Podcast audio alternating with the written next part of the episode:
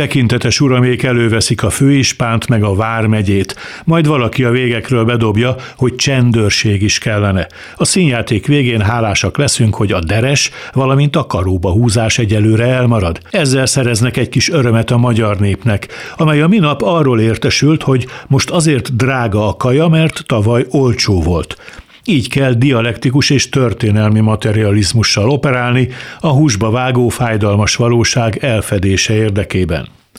A publikum nagy része pedig lelkesen tapsol, és egy közvéleménykutatási adat szerint mélyen egyetért azzal, hogy fontos ugyan a szabadság, de még fontosabb az alacsony villanygáz és benzinszámla. Ha pedig majd mindezt mégis emelni kell, mert ahogy Karinti Ferenc írja, egyszer minden kerítés véget ér, akkor el fogja hinni, hogy Brüsszel a bűnös.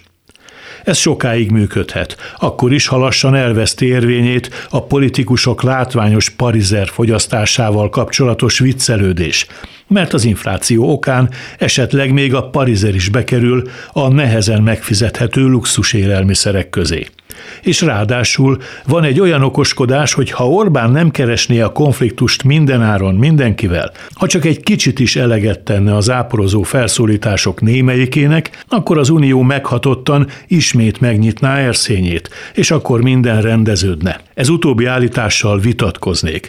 Orbán ahhoz már túl messzire ment, túl azon a ponton, ahonnan van visszatérés, és marad elég üzemanyag a biztonságos landoláshoz.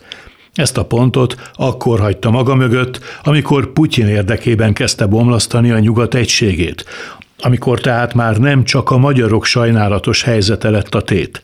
Ráadásul súlyos belföldi kockázatok nélkül nem is igen tehet érdemi engedményt a jogállamiságot követelőknek, mert a történelmi tapasztalatok szerint a diktatúrák nem akkor szoktak megroppanni, amikor a legelviselhetetlenebbül szorongatják az alávetetteket, hanem pontosan akkor, amikor meglazul a vasmarok. Jó estét kívánok, Kárpáti János vagyok. A hírek után kezdünk.